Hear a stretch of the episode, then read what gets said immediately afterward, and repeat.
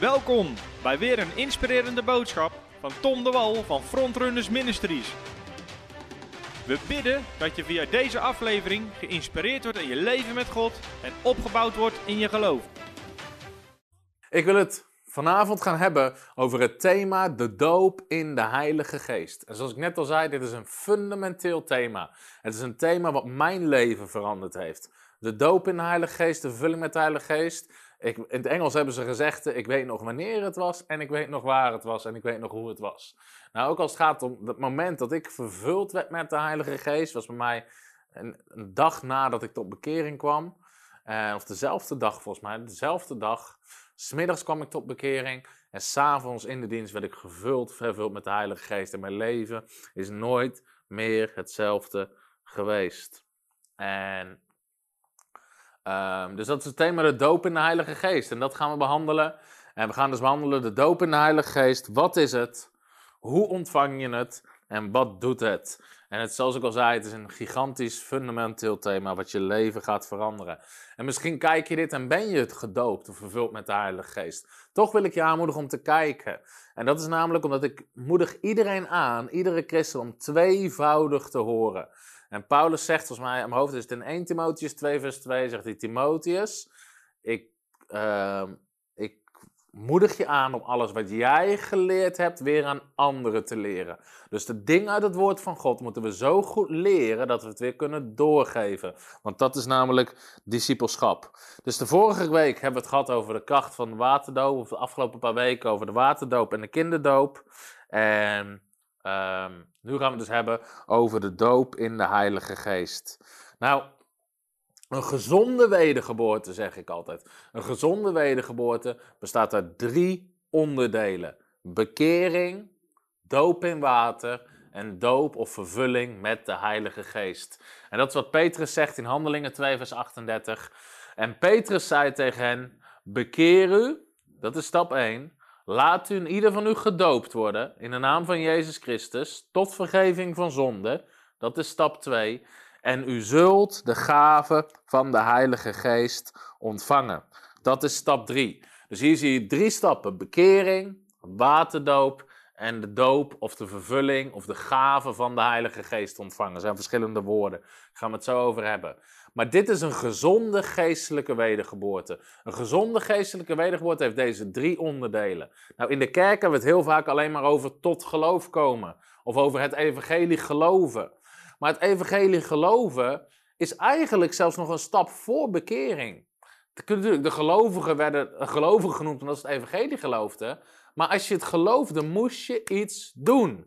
En wat moest je dan doen? Dan moest je je bekeren, moest je laten dopen in water en dan werd je vervuld met de Heilige Geest. En, en dat is de wedergeboorte.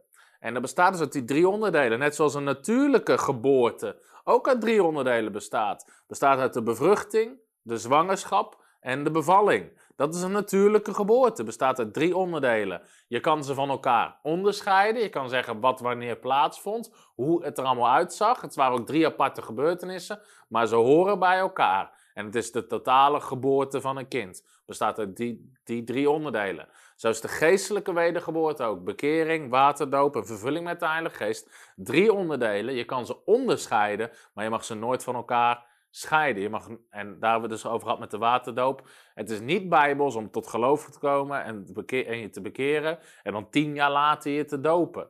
Nee, dat gebeurde allemaal op dezelfde dag of op hetzelfde moment in het boek Handelingen. Nou, de waterdoop hebben we het uitgebreid behandeld. Laten we eens kijken naar de doop of de vervulling met de Heilige Geest. Als het hierover gaat, is het ten eerste belangrijk om te weten, en aan het eind wil ik ook vragen beantwoorden, dat er verschillende benamingen zijn voor de doop of de vervulling met de Heilige Geest. Ten eerste wordt het dus de doop in de Heilige Geest genoemd. Want Johannes de Doper, Marcus 1, vers 8, zei: Ik heb u wel gedoopt met water, maar hij, Jezus, zal u dopen met de Heilige Geest. De vervulling met de Heilige Geest, Handelingen 2, vers 4. En ze werden allemaal vervuld met de Heilige Geest en begonnen te spreken in andere talen, zoals de Geest hen gaf uit te spreken. De Heilige Geest ontvangen, Handelingen 19, vers 2. Paulus vroeg: Heeft u de Heilige Geest ontvangen toen u tot geloof kwam? Of de kracht uit de hoogte ontvangen Ik liet Lambert net een eh, enorm oud uh, glorieklokkennummer luisteren. Glorieklokken 7. Misschien dat ik hem straks op kan zetten. Over toen de kracht Gods op mij viel, kwam de blijdschap in mijn ziel. maar kracht uit de hoogte, Lucas 24, vers 49. En zie, ik zend de belofte van mijn vader op u. Dit wordt ook de belofte van de vader genoemd. Maar u zult in de stad Jeruzalem blijven, totdat u met kracht uit de hoogte bekleed wordt. Het was vroeger ook een stroming in Nederland. Kracht van omhoog had je en stromen van kracht. Dat waren de Pinksterkerken. De belofte van de vader. Johannes doopte wel met water, maar zult met de Heilige Geest gedoopt worden. Dat is de verkeerde tekst, maar die daarboven zegt de belofte van mijn vader. Dus dat zijn verschillende benamingen voor de doop in de Heilige Geest. Nou, wat gebeurt er met de doop in de Heilige Geest? Het is belangrijk om te weten. Het woord dopen in het Nieuwe Testament, in het Grieks, is het woord baptizo. En dat betekent eigenlijk gewoon onderdompelen. Net zoals dat ik in dit flesje water, als ik hier iets in zou gooien, uh, bijvoorbeeld een dop van een pen of een muntje, dan wordt die ondergedompeld, wordt die, eh, wordt die helemaal onder het water, hij wordt één met het water. Wat gebeurt er met de doop in de Heilige Geest? Het is belangrijk dat we dat weten. Op het moment dat we ons bekeren, als we het evangelie geloven en ons bekeren en gedoopt worden in water, dan leert de Bijbel ons, dan worden we een nieuwe schepping. Onze geest wordt levend gemaakt, zegt Efeze 2 vers 1. U die dood was in uw zonden en overtredingen, u wordt geestelijk levend gemaakt. We worden een nieuwe schepping. Onze geestelijke mens, onze geest die dood was, die afgescheiden was van God, die wordt levend gemaakt. Die wordt vergeven, gerechtvaardigd, die ontvangt de identiteit van Christus. Je bent in Christus door de wedergeboorte. Dus je bent een nieuwe mens, noemt de Bijbel dat. Een nieuwe mens, een nieuwe schepping. Dat is jouw geestelijke mens. En wat gebeurt er bij de doop in de Heilige Geest? Bij de doop in de Heilige Geest wordt jouw wedergeboren geest, jouw geestelijke mens, wordt vervuld met de geest van God. Wordt helemaal ondergedompeld in de geest van God. Dat is wat er gebeurt. Jij ontvangt de Heilige Geest in jouw wedergeboren geest, die jou kracht geeft om in jouw nieuwe leven te wandelen als een nieuwe schepping. Dat is wat de vervulling of de doop in de Heilige Geest doet. Je wordt ondergedompeld en dat is wat de Vader ons beloofd heeft. Ik zie vragen van wanneer ben je gedoopt in de geest? Raad is, daar gaat deze hele uitzending over. Dus daar ga je gewoon antwoord op krijgen. Ik ga er gewoon systematisch doorheen, kort en krachtig, door het onderwijs over de dopende geest. Dus dat is wat er gebeurt. Nou, wat is belangrijk? Er is een groot misverstand in de kerk. En gelukkig niet in alle kerken, maar wel in veel kerken. Dat is namelijk dat je automatisch de doop in de geest ontvangt, of de vervulling met de Heilige Geest ontvangt, dat je automatisch vervuld bent met de Heilige Geest als je tot geloof komt. Maar dat is niet zo. De Bijbel leert ons dat het een aparte eh, handeling vraagt. Laat ik het zo zeggen. Net zoals bevruchting, zwangerschap, bevalling. Het is alle drie een apart onderdeel, een aparte handeling. De weet je, het is een apart iets. En samen vormt het de geboorte. Nou, dat is dus ook zo met het ontvangen van de Heilige Geest. Bekering, waterdoop en vervulling met de Heilige Geest, ze horen bij elkaar. Ze zijn alle drie onderdeel van een gezonde geestelijke wedergeboorte. Maar het zijn allebei, alle drie aparte gebeurtenissen of handelingen. Dus dat is belangrijk om te weten. Je bent niet automatisch dus dat betekent zonder dat jij er iets voor hoeft te doen of zonder extra handelingen, um, vervuld of gedoopt in de Heilige Geest als je tot geloof komt of je bekeert. De doop of de vervulling met de Heilige Geest is net als de waterdoop een losstaande gebeurtenis of een losstaande handeling na je bekering. Eigenlijk moet ik zeggen na of van je bekering. Het hoort erbij. Daarom zei Paulus in Handelingen 19 vers 2, die tekst die eronder staat. Paulus vraagt haar, Straks gaan we die tekst nog wel uitgebreider bestuderen in Handelingen 19, vers 2.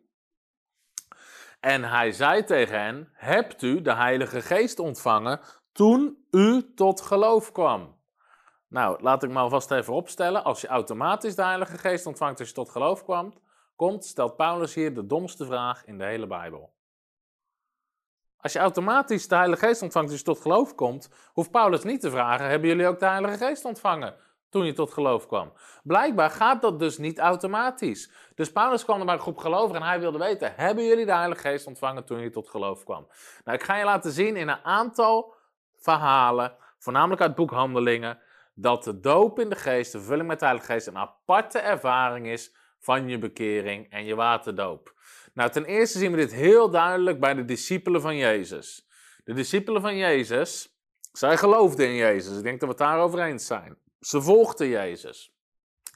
Op een gegeven moment is Jezus gestorven, opgestaan uit de dood en dan zegt hij dit, de bovenste tekst tegen zijn discipelen. En zie, ik zend de belofte van mijn vader op u. Dat is de Heilige Geest. Dat is wat de vader beloofd had. Maar u, blij, maar blijft u in de stad Jeruzalem totdat u met kracht uit de hoogte bekleed wordt. Even tot zover. Wat gebeurt hier? En later gaan we het zo meteen weer zien in de tekst eronder. Je zou denken, nou, alles is compleet. Jezus is gestorven aan het kruis voor onze zonden. Hij is opgestaan uit de dood. We hebben hem weer gezien. We kunnen gaan. We kunnen gaan getuigen. We kunnen, we, we kunnen de wereld vertellen dat Jezus leeft. En Jezus zegt tegen ze: Wacht, wacht, wacht, wacht. Jullie zijn er nog niet klaar voor. De discipelen geloofden, ze waren gedoopt, ze kenden Jezus persoonlijk. Jezus zegt: Je bent er nog niet klaar voor. Wacht in Jeruzalem, zegt hij, totdat u de belofte van de Vader ontvangt. Totdat u met kracht uit de hoogte bekleed wordt. En in Handelingen 1, vers 4 lezen we dat opnieuw. Waar Jezus verschijnt aan zijn discipelen en er staat er dit. En toen hij, is de middelste tekst, en toen hij samen, uh, toen hij met hen samen was, beval, hen, beval hij hun dat zij niet uit Jeruzalem weg zouden moeten gaan, maar de belofte van de Vader zouden moeten verwachten, die u, zei hij, van mij gehoord hebt. Want Johannes doopt wel met water, maar u zult met de Heilige Geest gedoopt worden, niet lang na deze dagen. Dus de discipelen waren nog niet gedoopt met de Heilige Geest. U zult dat gaan worden. In andere woorden, dat ben je nog niet. Nou, dan lezen we het verhaal dat ze met de 120 in de bovenkamer aan het bidden zijn. En dan lezen we over de uitstorting van de Heilige Geest. Het Pinksterfeest, zoals we dat nog ieder jaar vieren, de uitstorting van de Heilige Geest. En dan staat er, dat kwam het geluid van een machtige windvlaag en de Heilige Geest kwam en dan staat er, en ze werden allemaal vervuld met de Heilige Geest en begonnen te spreken in andere talen, zoals de Geest hun gaf uit te spreken. Dus dit is het moment dat ze vervuld werden met de Heilige Geest en dit is het moment waarop Jezus had gezegd dat ze moesten wachten. En vanaf dit moment is de Heilige Geest uitgestort op aarde. Maar zelfs vanaf dit moment zie je dat het nog niet automatisch bij iedere gelovige um, dat het een aparte handeling vraagt, laat ik het zo zeggen. Waar zien we dat nog meer? Bij de bekering van Saulus, oftewel Paulus. In Handelingen 9 lezen we dat Paulus was onderweg naar Damascus om christenen te vermoorden. En hij heeft daar een ontmoeting met Jezus. Jezus verschijnt aan hem, een fel licht, hij hoort de stem van Jezus. Hij heeft daar een ontmoeting met Jezus. Hij, nou, ik vanaf dat moment geloofde hij in Jezus. Geloof mij maar dat hij in Jezus geloofde. Hij noemde hem zelfs Heer. Wie bent u, Heer, en wat moet ik doen? En Jezus geeft hem een opdracht en Paulus gehoorzaamt de opdracht. En dus Paulus was daar tot geloof gekomen, maar, dan staat er, en Ananias ging heen en ging het huis binnen. Ananias was een discipel. En na hem de handen opgelegd hebben, zei Saul, broeder, de Heer heeft mij gezonden, namelijk Jezus, die u verschenen is, op de weg waar langs u gekomen bent, opdat u weer ziende zou worden, dus om hem te genezen, en met de Heilige Geest vervuld te worden. Dus hij werd gezonden apart om met de Heilige Geest vervuld te worden en daarna werd Saulus ook gedoopt, zegt de Bijbel hier. Dus dit is ook een, uh, een duidelijke tekst, maar ze worden nog duidelijker. Om hier gewoon te laten zien dat het een aparte handeling is. Dat zien we namelijk heel duidelijk in dit verhaal, het verhaal van Filippus. De evangelist Filippus in Handeling hoofdstuk 8 staat er dat Filippus daalde af naar de stad van Samaria en predikte hun Christus. Hij predikte Jezus. En de menigte hielden zich eensgezind aan wat Filippus werd gezegd. Dus ze kwamen tot geloof. Omdat zij luisterden naar de tekenen zagen die hij deed. Maar toen zij Filippus geloofden, die het evangelie van het koninkrijk van God en de naam van Jezus Christus verkondigden, werden zij gedoopt. Mannen als vrouwen. Nou, sommige christenen zeggen, wat wil je nog meer? Ze, ze, dat evangelie is gepredikt. De Bijbel zegt letterlijk, toen zij het geloofden, Toen werden ze gedoopt. Dus ja, sommige mensen zeggen, we hebben alles gehad. Weet je, ze geloven, ze gedoopt. Maar ze hebben nog niet alles gehad. Want de apostelen horen van deze opwekking in Samaria. En die horen ook dat deze gelovigen nog niet vervuld zijn met de Heilige Geest. Terwijl ze wel geloofd wa- ge- geloofden en gedoopt waren in water. En dan lezen we. ehm, dat is van vers 14. Toen de apostelen in Jeruzalem waren, hoorden dat Samaria het woord van God aangenomen had, stuurden zij Petrus en Johannes daar naartoe. En toen die aangekomen waren, baden zij voor hen dat ze de Heilige Geest mochten ontvangen. Nou, heel veel duidelijker kan het niet. Een aparte gebeurtenis, apart wordt er voor hen gebeden dat ze de Heilige Geest mochten ontvangen. Want hij was nog op niemand van hen gevallen, maar ze waren alleen gedoopt in de naam van de Heer Jezus Christus. En toen legden zij hun de handen op en ontvingen zij de Heilige Geest. Toen ontvingen zij de Heilige Geest. Is een hele duidelijke tekst bij Filippus dat een aparte, aparte ervaring is die eh, in die zin ehm, losstaat van het tot geloof komen. Het is de bedoeling dat het meteen direct daarna plaatsvindt, maar het, ehm, het is wel echt een, het vraagt een aparte handeling. In Efeze, dat is de laatste, eh, denk het laatste voorbeeld wat we hierover gaan aanhalen. Handelingen 19, daar lezen we dat Paulus, die trok rond en die kwam in Efeze. En dan staat er, en het gebeurde terwijl Apollos in Korinthe was, dat Paulus, die de hoger gelegen delen van het land doorgetrokken was, in Efeze kwam. Hij trof de enige discipelen aan. En hij zei tegen hen, hebt u de Heilige Geest ontvangen toen u tot geloof kwam? Nou, nogmaals, als dit automatisch gebeurt, hoeft Paulus er hier niet om te vragen. Ze zeiden, we hebben niet eens gehoord dat er een Heilige Geest is. Hij vroeg, waarmee bent u dan gedoopt? Zeiden met de doop van Johannes. Paulus zei, Johannes doopte een doop van bekering, maar hij zei ook tegen het volk dat ze moesten geloven in hem die naam kwam, dat is Christus Jezus. En nadat ze dat gehoord hadden, werden zij gedoopt in de naam van de Heer Jezus Christus. Dus nu geloven ze het. Ze zijn ook nog eens een keer gedoopt in de naam van Jezus. En dan staat er weer, en nadat Paulus hun de handen opgelegd had, kwam de Heilige Geest op hen. Dus ook weer, hier zie je, het gebeurde niet automatisch. Nadat Paulus hen de handen oplegde, kwam de Heilige Geest op hen en ze spraken in vreemde talen, dus in tongentaal, en ze profeteerden. Nou, hier zie je weer heel duidelijk, het is een aparte handeling. Dus, ik ga straks ook weer zeggen, hoe weet je of je vervuld bent met de Heilige Geest of niet? Die vraag stellen sommige gelovigen. Maar de meeste mensen die vervuld zijn met de Heilige Geest, die weten het. Want er is een aparte, er is een keer voor hen gebeden. Iemand heeft handen opgelegd en ze hebben dat bewust meegemaakt. Dus dit is iets wat je bewust meemaakt. Nou, wat even belangrijk is in deze context, hoeven we niet op te zoeken. Maar er zijn mensen die zeggen, ja, maar de Bijbel zegt toch dat je verzegeld wordt met de Heilige Geest als je tot geloof komt in Efeze. Ja, dat klopt. Maar Paulus schrijft dat aan de gelovigen in Efeze, waarvan we net hebben gelezen dat hij ze de hand op had gelegd om ze te vervullen met de Heilige Geest. Dus we weten dat dat bij hun gebeurd was. Nou, wat is de volgorde, vragen mensen wel eens. Weet je, moet je eerst gedoopt worden in water en daarna de doop in Heilige Geest? Ontvang je eerst de doop in Heilige Geest en daarna de doop in water? Hoe zit dat precies? Nou, Petrus zei, bekeer u, laat u dopen en u zult de gave van de Heilige Geest ontvangen. En dat is eigenlijk de meest logische volgorde. De, als mensen het evangelie geloven en ze bekeren zich, laat zich als het goed is direct dopen in water. Daar zit, als het goed is, volgens het Bijbelse model, niet drie maanden tussen. Dat kan je zien in de kracht van de waterdoop. En meteen daarna worden ze de handen opgelegd om de Heilige Geest te ontvangen. Maar, ik zeg er nadrukkelijk bij maar, dat kan omwisselen. Sommige mensen ontvangen eerst de Heilige Geest en worden daarna gedoopt in water. Ook ik in mijn eigen leven. Ik kwam smiddags tot bekering. S'avonds kwam ik in een dienst waar een prediker predikte over de doop in de Heilige Geest. Ik ging naar voren, er werden handen op me gelegd. Ik ontving de doop in de Heilige Geest. En daarna pas ben ik gedoopt in water. Dit zien we in Samaria bijvoorbeeld ehm, ook. Het verhaal ehm, wat we net hebben gelezen van Filippus. Toen werden ze eerst gedoopt in water. Daarna vervuld met de Heilige Geest.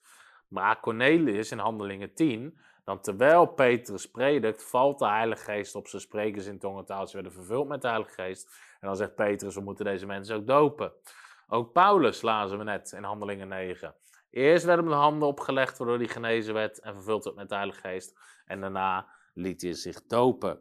Dus de volgorde is wat dat betreft, ehm, kan allebei. Dat kan allebei, dus dat maakt niet zo heel veel uit. Nou, op welke manier word je vervuld met de Heilige Geest? Hoe gebeurde de doop in de Heilige Geest? En dat is denk ik belangrijk om te zien. En ook, ik heb bijvoorbeeld in mijn boek over tongentaal. Ik heb een boek 50 redenen om te spreken in tongentaal. En achterin help ik ook andere mensen om hoe bid je voor mensen om ze te vervullen met de Heilige Geest? Hoe help je anderen ook om te spreken in tongentaal? Dat staat op pagina 176. Hoe kan je anderen helpen? Weet je, lieve mensen, ik vind het zo belangrijk. Omdat ik heb ontdekt, en ik wil er nu niet heel diep op ingaan, maar als je anderen kan helpen om vervuld te worden met de Heilige Geest, je verandert hun leven. En hetzelfde met spreken in tongentaal. Ik moest uh, tijd geleden nog spreken op een uh, jeugdgroep van een mannetje of 70. En ik, uh, ik, sprak gewoon over het thema, de doop, de vervulling met de Heilige Geest en het spreken in tongentaal. En ik sprak op basis van Handeling hoofdstuk 10 over de tekst. Ze werden allemaal vervuld met de Heilige Geest en spraken in tongen. Net zoals Handelingen 2 vers 4, ze werden allemaal vervuld. Dus ik zei, vanavond iedereen die wil, gaat vervuld worden met de Heilige Geest en gaat spreken in tongentaal. En van de 70 jongeren spraken ze allemaal aan het eind van de avond, werden ze vervuld met de Heilige Geest en spraken allemaal in tongentaal. Gewoon vanwege het feit dat we ze uh, baden voor ze en ze gewoon hielpen om de doop in de Heilige Geest en het spreken in tongentaal te ontvangen. Nou, daar gaan we de komende weken nog wel uitzendingen over doen, over het spreken in tongentaal en hoe krachtig dat is. Maar hoe gebeurde de doop in de Heilige Geest? Nou, dat ging vaak um, met handoplegging. Dus hier zie je ook Ananias. De staat ging heen, ging het huis binnen en na hen de handen opgelegd te hebben. Zij zal, broeder, de Heer Jezus, mij gezonde, die nu verschenen is, et cetera, om hem met de Heilige Geest te vervullen. Handelingen 8, vers 15. Daar zien we dat het gaat door gebed en handoplegging. En toen die aangekomen waren, baden zij voor hen, dus ze baden gebed, dat zij de Heilige Geest mochten ontvangen, want er was nog niet op niemand gevallen. Vers 17. Toen legden zij hun de handen op, dus er was zowel gebed als handoplegging. Gebed als handoplegging. Hetzelfde zien we. Even kijken. Hier in Handelingen 8, vers 15. Hier zie je het ook ontzettend duidelijk. En toen ze aangekomen waren, baden zij voor hen dat ze de Heilige Geest ontvangen. Dit is hetzelfde als net, maar hier lezen we in vers 17. Toen legden ze hun de handen op, zij ontvingen de Heilige Geest. En toen Simon, dat was Simon de tovenaar, daar lezen we over in dat hoofdstuk, die deed ook wonderen en tekenen, deed hij. En hij kwam tot bekering, maar hij was niet helemaal zuiver tot bekering gekomen, onze Simon. En, want er staat, toen Simon zag dat de Heilige Geest gegeven werd door middel van handoplegging. Van de apostelen bood hij hun geld aan en zei: Geef ook mij deze macht, opdat een ieder op wie ik de handen opleg, de Heilige Geest ontvangt. Dus het ging door handoplegging en hij wilde dat ook kunnen. Handelingen 19, hetzelfde verhaal. Uh, en nadat Paulus hun de handen opgelegd had, kwam de Heilige Geest op hen. Dus het gaat vaak met handoplegging in combinatie met gebed. Dus als je mensen wil vervullen met de Heilige Geest, hoe werkt dat? Er is dus gewoon een instructie voor. Zoals je mensen doopt in water, door ze mee te nemen naar het water, onder water te doen, binnen een minuut weer boven te halen. En dan zijn ze gedoopt in water. Er zijn gewoon instructies voor. En ik zal een grap ik maken als mensen in doopdienst zeggen: Ik ben zo zenuwachtig. Dan zeg ik: Maar je niet druk. We hebben je binnen een minuut weer boven. Maar er zijn gewoon instructies voor. Hoe doop je iemand? Nou, zijn ook gewoon instructies. Hoe vervul je iemand met de Heilige Geest? En de meest praktische manier is je legt handen op iemand en je bidt voor ze dat ze de Heilige Geest ontvangen. Waarom? Op het moment dat jij de Heilige Geest hebt, kan je het doorgeven. Je kan het doorgeven. En handoplegging in de Bijbel is overdracht van kracht. Dat is makkelijk te onthouden, want dat rijmt. Maar handoplegging is overdracht van kracht. Het is geen aai over de bol zomaar. Er gebeurt iets als we handen leggen op mensen. Daarom zegt de Bijbel: leg handen op zieken en ze zullen genezen. Niet omdat jouw handen zo speciaal zijn, maar omdat de kracht van de Heilige Geest doorheen stroomt. Mozes onder het Oude Testament legde handen op 70 leiders, zodat de geest van wijsheid die op hem was, op hen kwam. Handoplegging. De zegen werd uitgesproken door handoplegging. Ze legden handen op en ze spraken de zegen uit. Handoplegging is overdracht van kracht. Paulus zegt, je hebt geestelijke gaven ontvangen. Dat is impartatie. Toen uw handen opgelegd werden. Toen uw handen opgelegd werden, schreef hij naar Timotheus. Paulus schrijft ook naar Timotheus over het aanstellen van oudsten. Dat hij ze niet, en dat is in die, daar gaat de tekst over, uh, leg niet te haastig uh, handen op mensen. Sommige mensen zeggen, maar je moet niet te snel bidden voor genezing. Nee, nee, nee, die tekst gaat niet over genezing. Die tekst gaat over het aanstellen van oudsten. Dat Paulus zegt, je moet niet te snel iemand aanstellen tot oudste, want mensen moeten eerst beproefd worden, getest worden, et cetera. Ik zeg altijd, te snel aangestelde oudsten gaan zich aanstellen. Daarom moet je ze niet te snel aanstellen. En in die context zegt Paulus, je moet niet te snel oudsten aanstellen met handoplegging. Dus er werd iets bevestigd, er werd iets overgedragen wanneer de handen opgelegd werden.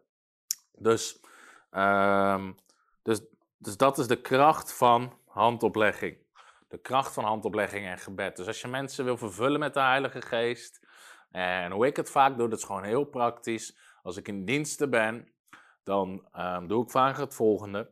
Ten eerste vind ik het belangrijk om mensen zelf te leren bidden. Dus vaak als ik met mensen bid, leg ik mijn handen op ze en dan zeg ik vaak, zeg me maar na.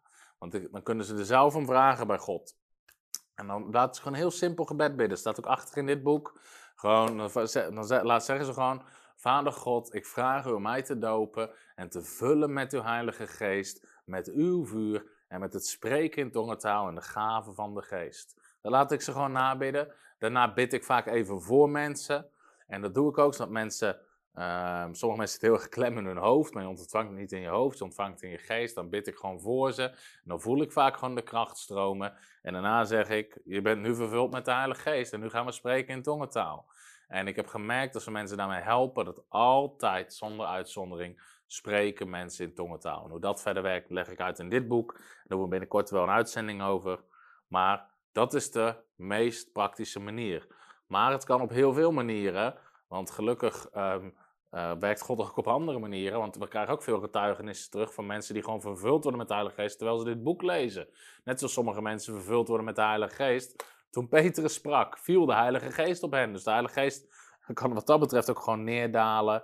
Um, achter in het boek staat een gebed uh, voor jezelf om te bidden met vervulling met de Heilige Geest worden mensen door vervuld met de Heilige Geest. We gaan straks aan het einde van deze uitzending, ga ik ook gewoon bidden, mijn handen uitstrekken. En als jij nog niet vervuld bent met de Heilige Geest, je wil opnieuw vervuld worden, dan strek je straks je handen uit naar het beeld. En dan bid je me na en dan bid ik voor je. En op dat moment, gewoon door de camera heen, door het scherm heen, kan de kracht van God gewoon stromen. God is niet beperkt. God is niet beperkt door dat soort dingen. We hebben machtige wonderen meegemaakt. Via, via camera, genezingen, wonderen. Dove mensen die konden horen. Grote wonderen. Gewoon via de camera. En dus God is niet beperkt. En sterker nog, terwijl ik spreek, ik voel gewoon de kracht van God. Dat de kracht van God hier is. Dus ik geloof gewoon dat veel mensen, naar aanleiding van deze uitzending, vervuld gaan worden met de Heilige Geest. Dus dat is hoe ontvang je de doop in de Heilige Geest. Nou, dan wil ik nog behandelen, wat doet de doop in de Heilige Geest? En eigenlijk is het heel mooi samen te vatten in deze Bijbeltekst. Wat doet de doop in de Heilige Geest? Zie, ik zend de belofte van mijn Vader op u, maar blijft u in de stad Jeruzalem, totdat u met kracht uit de hoogte bekleed zal worden. Dus wat doet de doop in de Heilige Geest? Het bekleedt je met Gods kracht. Je ontvangt de kracht van God in jouw geest. Je ontvangt de kracht van de Heilige Geest, de Heilige Geest zelf, die in jouw wedergeboren geest komt wonen. En dat heeft allerlei verschillende uitingen. Maar dit is wel een hele mooie samenvatting. Nou, laten we eens kijken naar een paar aspecten van wat dat doet. Maar het is de geest van God komt in jouw wedergeboren geest wonen. Jij zei, ik zal u niet als wezen achterlaten, maar ik kom weer naar u toe, ik zou bij u zijn. De geest komt in je wonen. Paulus zegt in 1 Korinthe 6, mijn hoofd is het vers 20, weet u niet dat u een tempel bent van de Heilige Geest? Dus jouw, De geest van God is in jou komen wonen. God woont in jou met zijn Heilige Geest. Dat is wat de doop in de Heilige Geest is. Hij geeft jou kracht om in dat nieuwe leven te wandelen. Nou, wat zijn een aantal aspecten daarvan? Nummer 1. Je ontvangt kracht om te getuigen. Kracht om te getuigen. En dit is niet de goede tekst die hierbij staat. Oh, ik heb ze omgedraaid. Oké. Ehm, dan lezen we even alleen deze tekst. Handeling 1 vers 8. Maar u zult kracht van de Heilige Geest ontvangen, die over u komen zal. En u zult mijn getuige zijn. U zult mijn getuige zijn. Nou, ik weet nog, en ehm, man, voor mijn gevoel werd er in het begin, in de stroming waar ik tot geloof kwam, mij iedere zondag over deze tekst gepreekt. Je zal kracht ontvangen, kracht ontvangen. Man, wat hebben christenen nodig om te horen dat ze kracht hebben ontvangen? Dat we stoppen met lauw christendom, zwak christendom. Nee, je hebt kracht ontvangen. De kracht van God zit in je geest. En met die kracht ben je een krachtige getuige van Christus. Kan je krachtig getuigen. God werkt door de woorden die je spreekt. En soms zeg je dingen en denk je achteraf, zei ik dat? Of hebben die woorden zo'n impact gemaakt? Of je hoort jezelf bijna dingen zeggen. Dat is de kracht van de Heilige Geest om te getuigen. Zelfs de discipelen van Jezus konden niet effectief getuigen zonder de doop in de geest. Ze hadden alle wonderen meegemaakt, alles. En toch zei Jezus: wacht in Jeruzalem totdat je de kracht ontvangt. Dus en op het moment dat je die kracht ontvangt, je moet eens nagaan, bijvoorbeeld de Petrus. Petrus, voordat hij gedoopt was met de Heilige Geest, was hij bang.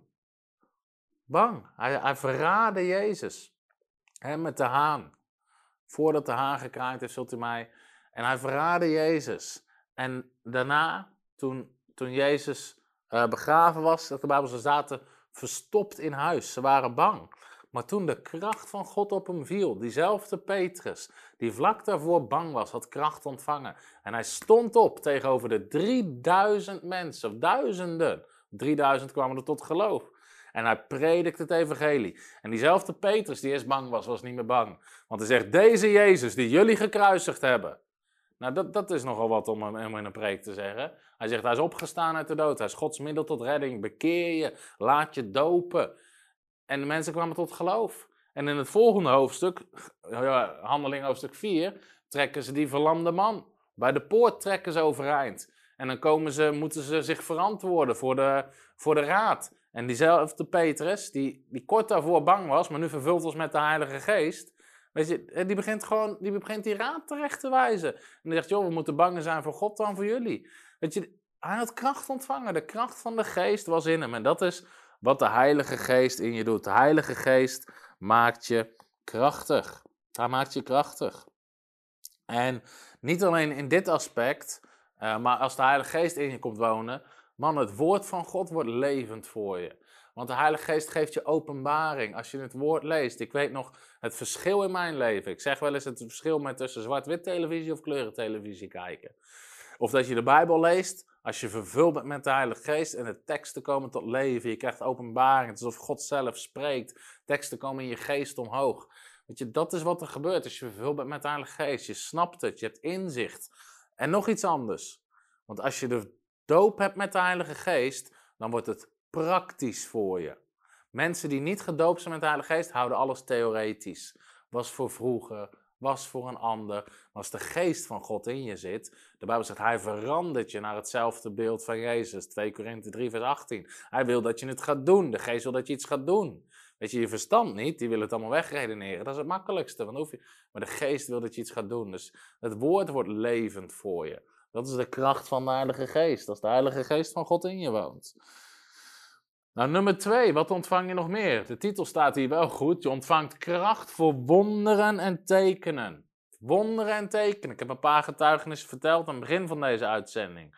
Over de jongen die op het ijs gevallen was. Met een hersenschudding die zes weken zou moeten herstellen. En in plaats daarvan de koning Jezus het in, in, in een dag. Waarom? Je ontvangt kracht van wonderen en tekenen. Je zult kracht ontvangen. Nou, wat zei Jezus over deze kracht? Even niet naar de titel kijken, want die staat dus verkeerd. Het gaat om de teksten. Hij riep zijn twaalf discipelen bijeen en gaf hen kracht en macht over alle demonen. Nou, sommige christenen zijn bang voor demonen, maar je hebt de kracht over, je hebt de macht over. Dat is de kracht van de Heilige Geest. En om ziekte te genezen. Matthäus 10, vers 1, daar staat om alle ziekte te genezen. Over iedere ziekte en elke kwaal. Dat is letterlijk wat er staat. Waarom? Niet door jouw kracht, maar door de kracht van de Heilige Geest. Dat is wat jij ontvangt. De geest van God woont in jou. De Bijbel leert ons in Romeinen 8 vers 11, de geest die Jezus deed opstaan uit de dood, woont nou in jou. Die woont nu in jou. Dus je hebt kracht ontvangen, waardoor wonderen en tekenen normaal horen te zijn in het leven van de gelovigen. En er zijn zoveel religieuze leugens hierover. Toevallig zag ik vandaag nog onze Facebookpagina, een videootje over wonderen en tekenen. En het zijn altijd religieuze christenen. Die zeggen, maar wij kunnen geen wonderen en tekenen doen. Wij kunnen niet hetzelfde doen als Jezus. Wij kunnen helemaal niks. Nee, je bent misleid. Je bent misleid door de duivel. Die heeft wijsgemaakt dat je niks bent, niemand bent, niks kan. En het zijn leugens van de duivel die christenen arm, ziek en krachteloos wilden houden. Want het, als het gaat om wie je bent, wie je bent in Christus is gigantisch. Christus zelf woont in jou, de kracht van God woont in jou. Jezus zelf zei, wie in mij gelooft zal dezelfde werken doen die ik ook deed. En nog groter, want ik ga heen naar mijn vader. Je hebt kracht ontvangen. Mensen zeggen, we hebben niks en we kunnen niks. Ze liegen, want ze zeggen iets wat tegen het woord van God ingaat. Want de Bijbel zegt, ik vermag alle dingen door Christus die mij kracht geeft. En ik heb kracht in mijn geest ontvangen. En ik ben meer dan overwinnaar. En ik ben de gerechtigheid van God. En ik ben geliefd door de Vader. Stop met ik heb niks, ik kan niks en ik mag niks. Weet je, dat is niet het evangelie. Dat zegt Jezus niet tegen zijn discipelen. Jij zegt nergens, jongens, jongens, bedenk wel even. Jullie zijn niks, jullie mogen niks en jullie kunnen niks. Wacht maar stil in je hoekje. Zing maar een liedje. Ik in mijn klein hoekje en jij in het jouwe. Stil maar, wacht maar, alles wordt nieuw. Vooral niks doen. Hé, hé, hé, niet uit die bovenkamer komen. Wachten tot de wederkomst en niks doen. Dat is niet het evangelie. Maar er zijn wel veel christenen die dat doen. Omdat ze misleid zijn door de duivel. Die zeggen ze hebben niks en ze kunnen niks. Maar het is tijd dat mensen de waarheid van het woord leren. Dat ze leren kennen wie ze zijn, wat ze hebben en wat ze kunnen. En dan gaan we krachtig christendom zien. Amen. Halleluja. Preach myself happy. Marcus 16, vers 17. Hen die geloofd zullen hebben, of de gelovigen, zullen deze tekenen volgen. Als jij gelooft, hoort dit normaal te zijn in je leven. In mijn naam zullen ze demonen uitdrijven. Even tot zover. Herman Boon vraagt dan altijd: Wanneer is de laatste keer dat je een demon hebt uitgedreven? En je schoonmoeder telt niet, zegt hij dan altijd. Maar jij zegt: In mijn naam zullen ze demonen uitdrijven. Demonen uitdrijven hoort normaal te zijn. Hoort normaal te zijn. Gisteren nog was ik in. Gisteren was ik in die kerk in Groningen. En er was iemand met pijn, pijn in zijn nek. En het was een geest, een geest van pijn. En die geest ging weg en die man was vrij. Zo simpel is het. Je hoort demonen uit te drijven. Zoveel mensen hebben last van demonen en allerlei soorten geesten. En jij hebt er autoriteit over. Dus het hoort normaal te zijn. Deze tekenen en wonderen zullen ze volgen. In mijn naam zullen ze demonen uitdrijven. Er staat er in vreemde talen zullen ze spreken. Het spreken in tongentaal. Kibra shekelamandre, digisanda, lemanos shotorabachi digasotolamanda. Dat hoort normaal te zijn in je leven. Spreken de taal van de geest. Slangen zullen ze oppakken. En als ze iets dodelijks drinken, zal het hen beslist niet schaden bovennatuurlijke bescherming. Waar andere mensen ziek van worden, hoort jou niks te doen. Waar andere mensen bang voor zijn, hoef jij niet bang voor te zijn. Slangen spreekt over demonen, Lucas 10, vers 19, en de machten van de vijand. Lucas 10, vers 19 zegt Jezus, ik geef je kracht en macht om op slangen en schorpioenen te treden, op de gehele legermacht van de vijand. En niks zal jou schaden. Niks zal jou schaden. Dus in plaats van zelf zieken te genezen, wat je ook doet, zou je zelfs niet eens ziek worden als je iets dodelijks zal drinken. En op zieken zullen zij handen leggen en ze zullen gezond worden. Ze zullen gezond worden. Nou, dat is wat je ontvangt met de doop in de Heilige Geest. Je ontvangt kracht om wonderen en tekenen te doen. Je hoort wonderen en tekenen horen normaal te zijn in je leven. Hoort erbij bij het christenleven. Zieken genezen, demonen uitdrijven, dat is het normale christelijke leven. Dat is het normale christelijke leven. Krachtige christenen, krachtige discipelen. Net zoals de discipel Ananias. Waar we over lazen bij Paulus of Saulus nog. De Heer sprak tegen hem, daar op die en die straat, woord van kennis, gaven van de geest. Zit een man, Saulus, hij bidt. Ga daar naartoe, genezen van zijn blindheid, vervullen met de Heilige Geest. Hij kreeg instructies van de Heilige Geest. Geest geleid, gaan we het zo meteen nog wel even over hebben. Krachtig christendom. Weet je, toen Paulus gestenigd werd, handelingen 14, de discipelen gingen om hem heen staan. En hij werd opgewekt uit de dood. Hij stond weer op en hij liep dezelfde stad weer in, boven natuurlijk genezen. Discipelen die wandelen in wonderen en in tekenen. Wat nog meer? Je ontvangt kracht voor een geestgeleid leven. Handelingen 2 vers 17. Een geestgeleid leven is soms heel boven natuurlijk. Soms hoor je gewoon de stem van God in je geest of wat dan ook. Maar Handelingen 2 vers 17. Het zal zijn in de laatste dagen, zegt God, dat ik zal uitstorten mijn geest op alle vlees. Wat gebeurt er als de geest van God wordt uitgestort? Uw zonen en uw dochters zullen profeteren. Dus profetie hoort normaal te zijn. Dat je spreekt, zo zegt de Heer, en dat je profeteert. Uw jonge mannen zullen visioenen zien. Ouderen zullen dromen dromen. Afgelopen zaterdagmorgen, om kwart voor vijf, had ik nog een visioen van de Heer. Weet je waarom ik blij was dat het een visioen was en, en geen droom? Dan blijkt dat de Heer me nog niet oud vindt. Amen. Want er staat, oude mensen zullen dromen dromen. En, jongen zullen visioenen zien. Dus op het moment dat de Heer mij een visioen geeft, zegt de Heer, je bent nog niet oud. Dat is een grapje trouwens, want het gaat ook andersom. En ik krijg ook wel af en toe dromen van de Heer, maar... Jonge mensen zullen visioenen zien. Ik heb een preek op YouTube, volgens mij, over hoe je, uh, hoe je dromen kan dromen en visioenen kan zien. En op mijn dienaren en dienaressen zal ik in die dagen mijn geest uitstorten en ze zullen profeteren. Weet je, dit hoort gewoon normaal te zijn. ik zeg niet dat je iedere dag allerlei dromen en visioenen hebt, maar dat hoort van tijd tot tijd, hoort dat erbij. Afgelopen zaterdag om kwart voor vijf, s morgens kreeg ik een visioen over iemand die ik later op de dag zou ontmoeten. Ik sprak diegene in mijn visioen. En ik had in mijn visioen een gesprek met hem. In het gesprek bleek dat hij, zich niet, uh, dat hij nog niet gedoopt was. Ik zei dat hij zich moest laten dopen, hij liet zich dopen. Dat was het visioen. En een paar uur later komt het letterlijk uit, voor mijn ogen. Ik ontmoet die persoon, ik vraag hem of hij gedoopt is. Hij zegt dat hij nog niet gedoopt is. Ik leg het op uit, hij laat zich dopen, zijn vrouw liet zich dopen en iemand anders liet zich dopen. Het visioen kwam letterlijk uit, vijf, zes uur daarna en drie mensen waren gedoopt. Halleluja, dat is het christenleven. Johannes 3, vers 8. De wind waait waarheen hij wil. En u hoort zijn geluid, maar u weet niet waar hij vandaan komt en waar hij heen gaat. In Nederland is het nog veel erger. De ene dag is het min 18 en de volgende is het plus 18. Maar van de wind weten we wel niet eens hoe die gaat. Zo is het met iedereen die uit de geest geboren is. Een andere woord, die wordt geleid door de geest. En de ene keer stuurt de geest je hierheen, en de andere keer daarheen. Dan legt hij dit op je hart. Dan legt hij dat op je hart. Dat is geleid worden door de geest. Dus je ontvangt kracht voor een geest geleid leven. Zoals Jezus ook zei. Oh nee, die staat hier niet op, maar Jij zei, wanneer de geest komt, de geest van de waarheid, Johannes 6, vers 13, zal hij u onderwijzen.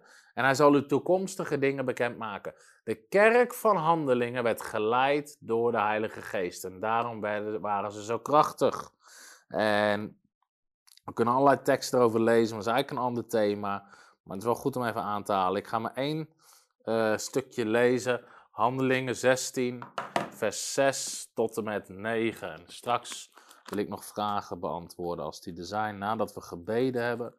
Voor iedereen die gebed nodig heeft, die vervuld wil worden met de Heilige Geest. Ik geloof ook dat God wonderen wil doen, dus ook als je ziek bent, gaan we straks voor je bidden via de camera. Handelingen 16. Kijk.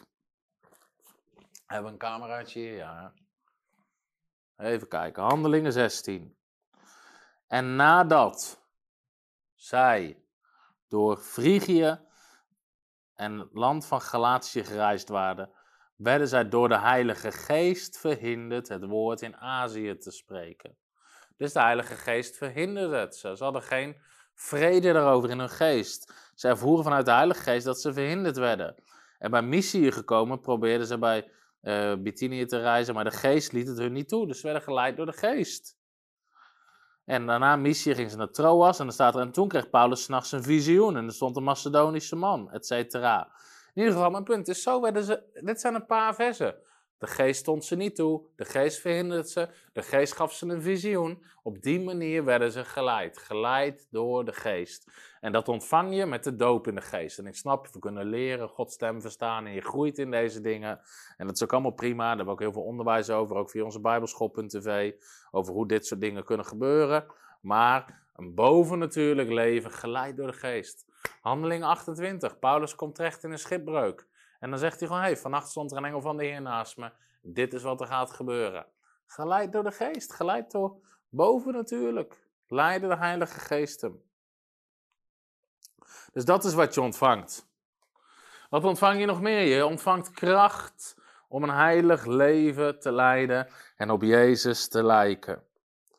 Galaten 5, vers 22. De vrucht van de geest. De geest komt wonen in jouw wedergeboren geest. Dus ontstaat daar de vrucht van de geest.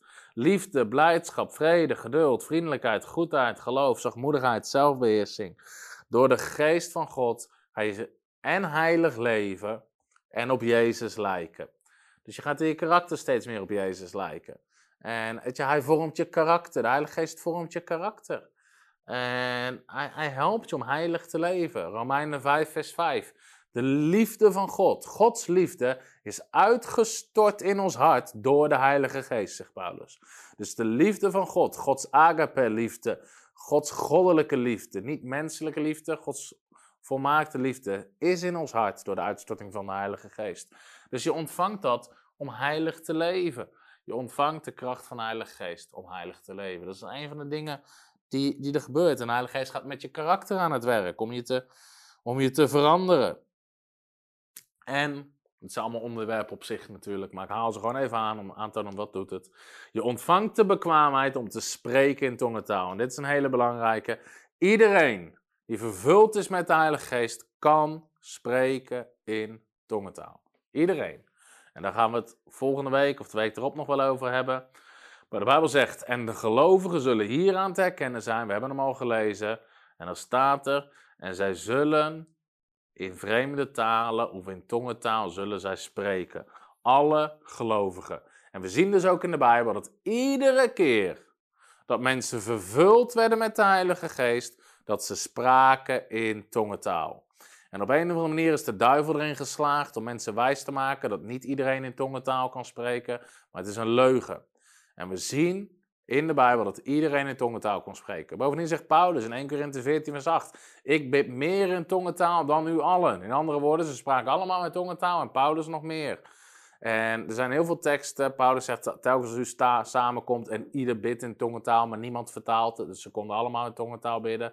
Paulus zegt ook in het hoofdstuk, als iemand in tongentaal bidt, openbaar, hardop in de gemeente, maar het wordt niet, uh, er is geen vertolking van tongentaal.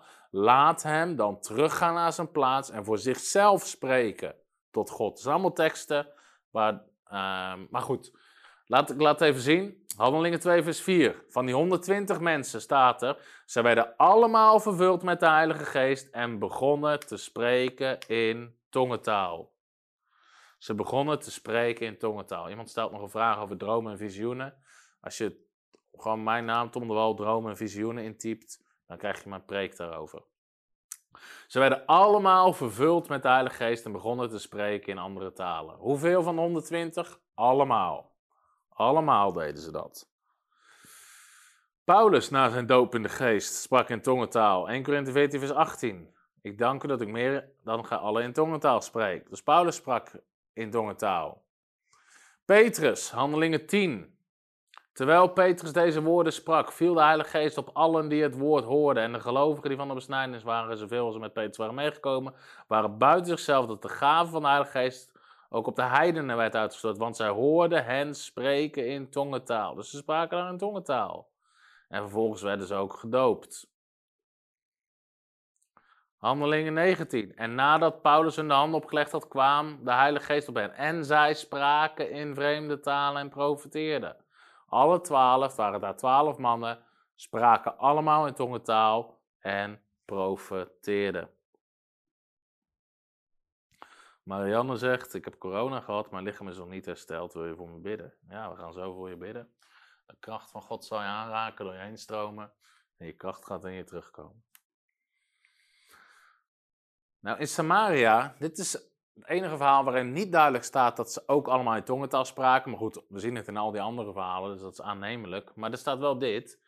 Toen legden zij de hand op en ze ontvingen de Heilige Geest. En zegt en toen Simon de tovenaar zag dat de Heilige Geest gegeven werd door middel van handoplegging. Nou, wat moest hij zien? Het is heel logisch dat dit gaat eigenlijk over tongentaal. Want wat zou je anders moeten zien? Hoe zie je dat iemand met zijn handen tong, de kracht van de Heilige Geest overgeeft? Het is waarschijnlijk zeer aannemelijk dat hij het zag, omdat de mensen begonnen te spreken in tongentaal. En op die manier, want hoe zou hij het anders moeten zien? Als je iemand handen oplegt en hij wordt vervuld met de Heilige Geest, ja, wat zie je anders gebeuren? En dus waarschijnlijk zag hij dat mensen in tongentaal gingen spreken en wilde hij dat ook. Dus hier zie je dat eigenlijk iedereen die vervuld werd met de Heilige Geest, die kon in tongentaal spreken. Ook een goede vraag van Guido, die vraagt alvast. Tom, als je al gedoopt bent in de Heilige Geest, kun je voor je laten bidden om meer van de Heilige Geest? Ja, dat kan, want in Handeling hoofdstuk 2, vers 4 lezen we dat de discipelen werden allemaal vervuld met de Heilige Geest. Maar in Handeling 4 staat er, en dat ze werden opnieuw vervuld met de Heilige Geest. Ik zal hem het even laten lezen, want ik weet dat er sommige mensen zijn die zeggen, ja, maar dat kan niet. Als je één keer vervuld bent. Uh, maar soms, weet je, soms zijn mensen lek. En, en hebben ze het nodig om even opnieuw verfrist of vervuld te worden met de Heilige Geest. Daarom staat er hier. En dit, is dus, dit zijn de twaalf discipelen en nog andere. Er staat, en toen zij gebeden hadden, werden ze, werd de plaats waar ze één waren bewogen. En ze werden allemaal vervuld met de Heilige Geest en spraken het woord van God. Dus ze werden opnieuw vervuld. Dus het is ook helemaal niet erg om meerdere keren voor mensen te bidden. Of als mensen het gevoel hebben dat ze een beetje leeggelopen zijn. Dan kunnen we gewoon mensen opnieuw vullen, verfrissen. Bovendien zegt Efeze 5, zegt, of Efeze, uh, Efeze 5 is het uit mijn hoofd, ja. Efeze 5 vers 18. Word niet dronken van wijn. Ik zou daar een naam bij willen noemen, maar dat ga ik niet doen. Word niet dronken van wijn, waarin losbandigheid is, maar word vervuld met. Oh, ja, rustig. Maar word vervuld met de Heilige Geest. Nou, in het Grieks staat dat in een, in een werkwoordsvorm wat continu is. Wordt continu vervuld, of wordt vervullende vervuld met de Heilige Geest. Dus het is een opdracht om vol te blijven en regelmatig vervuld te worden met de Heilige Geest. Dus weet je wat we lekker gaan doen? We gaan, wat mij betreft, voor iedereen bidden. Mensen zijn misschien al vervuld met de Heilige Geest, maar dan gaan we bidden dat ze opnieuw vervuld worden. We hebben ongeveer 200 kijkers. We bidden dat ze opnieuw vervuld worden. Dus ik wil vragen aan iedereen, als je het wil. Ten eerste de mensen die nog niet vervuld zijn met de Heilige Geest, of niet de doop met de Heilige Geest hebben ontvangen. Strek je handen uit. Strek je handen uit naar het scherm. En ik ga bidden. En je mag me even nabidden zo meteen. Daarna ga ik bidden dat de Heilige Geest stroomt. Dat hij komt. En dat je vervuld gaat worden met de Heilige Geest. Dat je vervuld gaat worden met de Heilige Geest. En daarna gaan we ook spreken in tongentaal. Sommige mensen zal het meteen beginnen te stromen. Andere mensen uh, die er onbekend mee zijn. Of soms zitten mensen veel vast in hun verstand, waar ze dus even moeite mee hebben. Maar dat maakt niet uit, dan gaan we nog uitzendingen aan doen. Maak je daar niet druk over. We gaan je eerst gewoon vullen met de Heilige Geest. Dus in ieder die dit, uh, die dit kijkt. En daarna gaan we bidden voor genezing. Maar eerst gaan we de dopen in de Heilige Geest. Dus op dit moment strek je hand uit naar het scherm, waar je ook kijkt naar je telefoon, of leg je hand op het scherm, want de kracht van God zal er doorheen stromen. En je kan me gewoon eerst nabinnen en zeggen: Vader God, op dit moment vul mij met uw Heilige Geest. Geef mij uw belofte. Laat mij bekleed worden met uw kracht. Geef me de gave van de Geest. In de naam van de Heere Jezus Christus. Vul mij van top tot teen. Vul me met uw kracht. Ik ontvang het nu. En je kan God ook danken. Zeg, Heer, dank u, ik ontvang het. In de naam van Jezus. En jouw verlangen, jouw dorst, is een magneet naar de geest van God. Want Jezus zegt, laat wie dorstig is naar mij komen. En stromen van levend water zullen stromen uit zijn binnenste. En hij sprak dit over de geest. Ik ga nu voor je bidden, voor iedereen, ook mensen die opnieuw vervuld willen worden. In de machtige naam van de Heer Jezus Christus. Heer, ik bid dat mensen die dit kijken, die zich in geloof, in verlangen, in honger en dorst uitstrekken. Dat is op dit moment vult met uw Heilige Geest. Dat op dit moment vult met uw kracht. Dat is op dit moment vult met uw heerlijkheid. Dat ze gedoopt worden in de Heilige Geest. En ik voel de kracht van God stromen. Dank u dat de mensen vult vult, dat u mensen opnieuw vult. Dat het vuur, het vuur van uw Heilige Geest, zoals u zegt in uw woord, hij die na mij komt, die zal dopen met de Heilige Geest en met vuur. Dat het vuur, de passie van God, de ijver van God zal branden in de binnenste van mensen. Mensen het soms zelfs zullen voelen branden in hun botten. Heer, op dit moment in de machtige naam van de Heere Jezus Christus. Dank u wel dat u mensen vult. En als je in tongentaal spreekt, begin nu te spreken in tongentaal. Misschien heb je het nog nooit eerder gedaan. Maar vanuit je geest wil God een nieuwe taal geven. Jij moet je tong gaan bewegen, maar het is een taal die vanuit je geest komt. Kibra son telemanasi kalabande. Ibra liki sondre bandile di shikalanana mande. Ebrandoli di sambra di gissa. Bandalo doscienta. Ibra laga soprendi chikishanta. Begin God groot te maken. Begin God groot te maken. Dank Hem dat je de vervulling, de doop met de Heilige Geest ontvangen hebt. In de machtige naam van de Heer Jezus Christus. En terwijl we in deze stroom van kracht zitten, ook mensen die ziek zijn, die pijn hebben, doe wat ik zeg. De ene hand leg je op de plek waar je pijn hebt. Als het je oor is of als je doof bent of wat dan ook, leg je hem op je oor. Maar leg één hand op de plek waar je pijn hebt, de plek waar je genezing nodig hebt. En de andere hand strek je uit naar het scherm. Strek je uit naar je telefoon, naar je computer, je tv, waar je dit ook op kijkt. En we gaan bidden voor de kracht van God. We gaan die ziekte bestraffen. Sommige mensen zijn ook ziek door geesten, demonische geesten. Van die geest wegsturen, gebieden om je los te laten. En op dat moment geloof dat de kracht van God komt. De kracht van God komt. En nadat je gebeden hebt, nadat je gebeden hebt, dank je God voor je genezing. En je handelt in geloof. Zoals de Bijbel zegt, terwijl zij heen gingen, werden ze genezen. Terwijl ze het deden, worden ze genezen. Dus terwijl je uitstapt in geloof. Op dit moment, in de naam van de Heere Jezus Christus ik gebied alle ziekte uit mensenlevens te gaan. Alle pijn te verdwijnen. Ik bestraf die geest van pijn. Ik gebied het los te laten.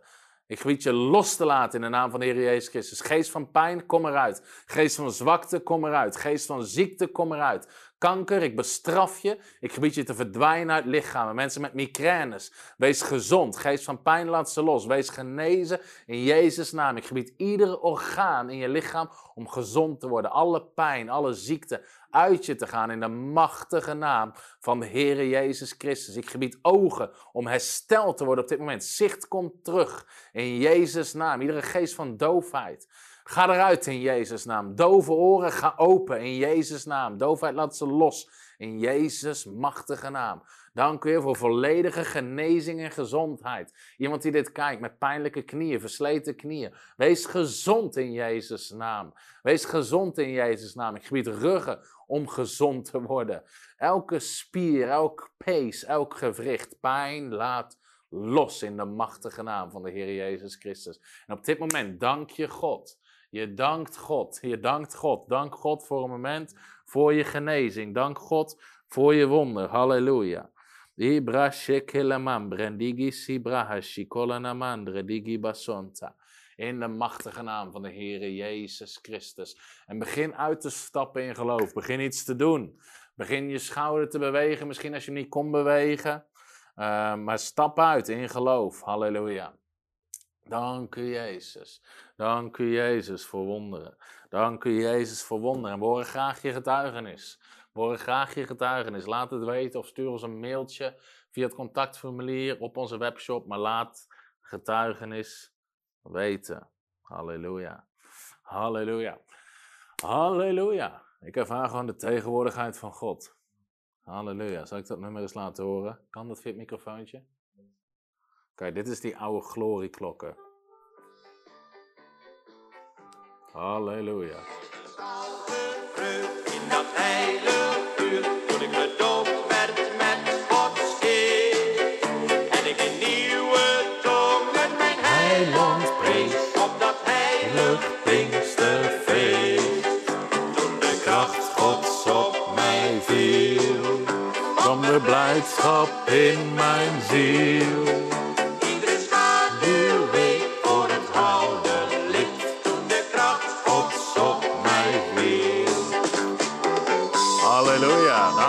Kracht.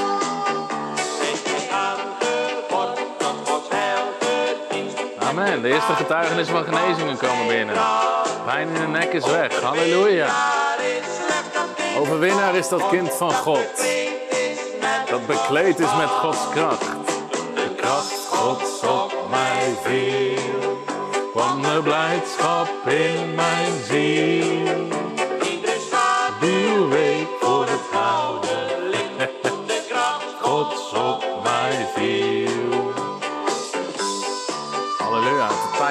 Goede teksten schrijven. al Niet over manen, sterren, oceanen en bergen.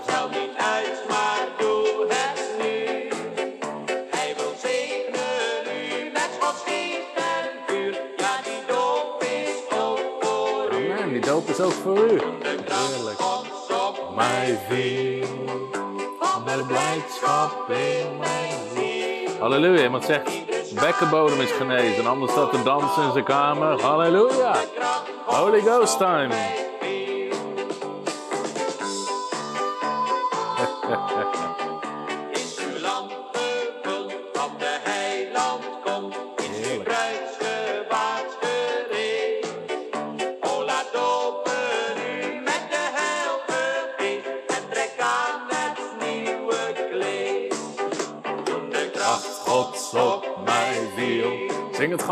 En je ervaart de kracht.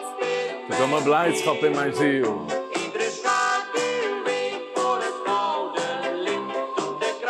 Iedere schaduw voor het gouden licht. Dat Gods op mij viel. Kwam de blijdschap in mijn ziel.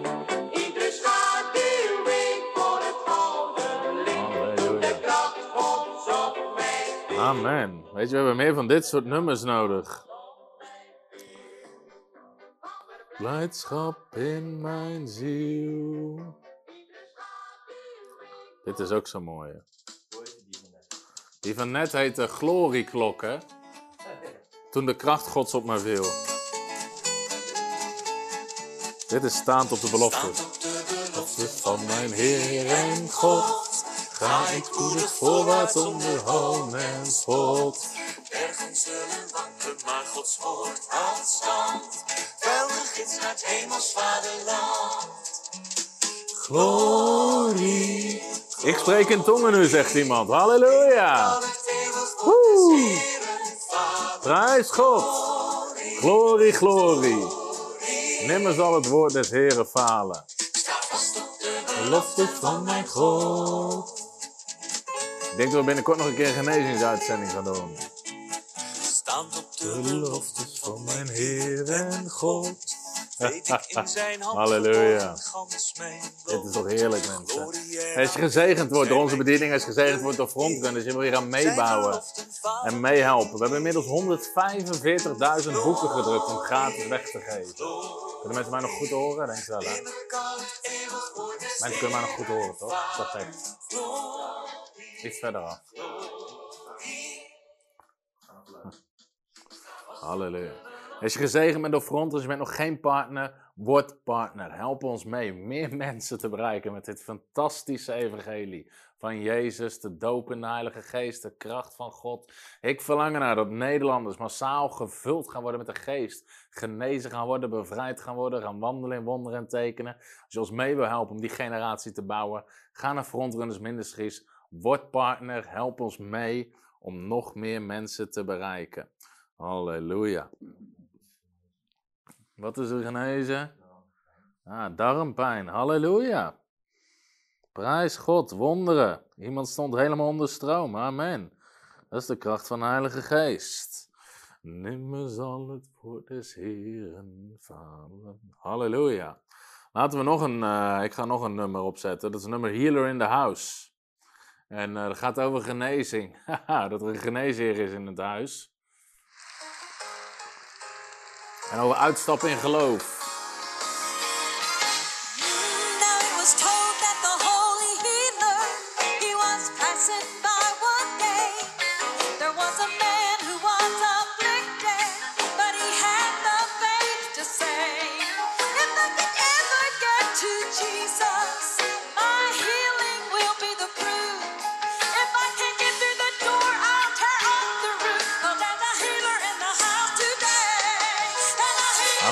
Is een genezer in het huis vandaag.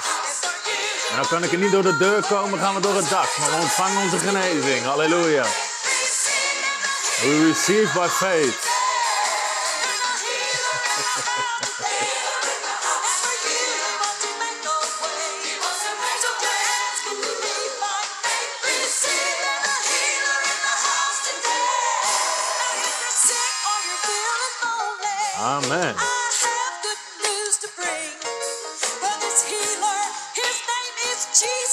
Zijn naam is Jezus. Hij is de Heer die ons geneest.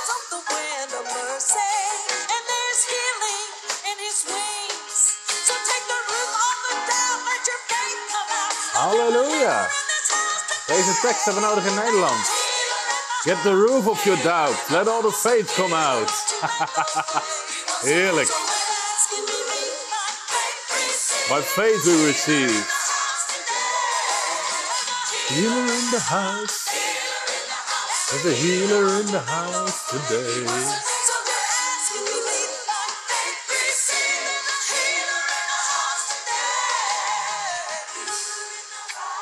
Hallelujah. There's a healer in the house. Libra la casanamanda.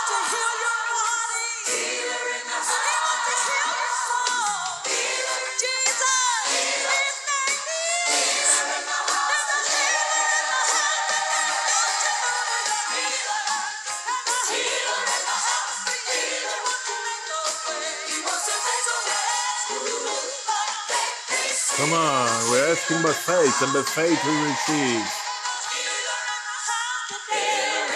Oh, mensen staan te dansen nu in hun huiskamer. Hallelujah. Come on, there's a healer in the house. 7 maart hebben we genezingsdienst.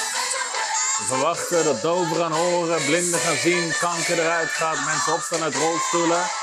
De tijd van handeling is nu. De geest is uitgestort op alle vlees. Halleluja. Ibralanda gisitela namai.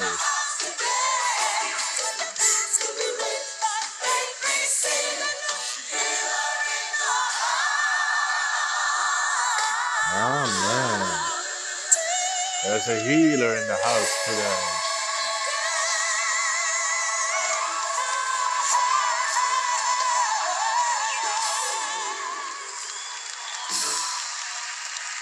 Amen. Amen. Halleluja. Dit was een schitterende uitzending.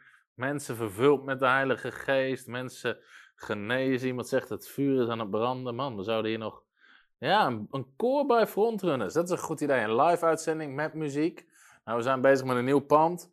Dat zou gaaf zijn. Dat we dan gewoon een band hebben die gewoon begint te spelen. Halleluja. Oké, het was een voorrecht om bij jullie te zijn. Het was genieten deze uitzending. Nogmaals, als je gezegend bent door onze bediening, word partner, help ons mee. Misschien mee op partner, kan je partnerschap verhogen. Misschien wil je eenmalige gift geven, maar help mee met dit fantastische evangelie te verspreiden.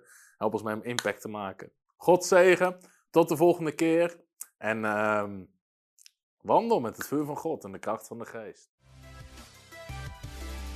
Hallo, Tom de Wol hier en bedankt dat je weer geluisterd hebt naar onze podcast. Ik bid dat het je geloof gebouwd heeft en je bemoedigd bent. Als je niet alleen een luisteraar van onze boodschap wil zijn, maar ook een verspreider daarvan, wil ik je uitnodigen om partner te worden van Frontrunners. Door jouw maandelijkse donatie help je ons om dit evangelie van Jezus Christus en het woord van God over heel de aarde te brengen. Om partner te worden, ga naar www.frontrunnersministries.nl slash partners en word partner. Hartelijk bedankt en tot snel. Heb je ook zo genoten van deze inspirerende boodschap van Tom de Wal?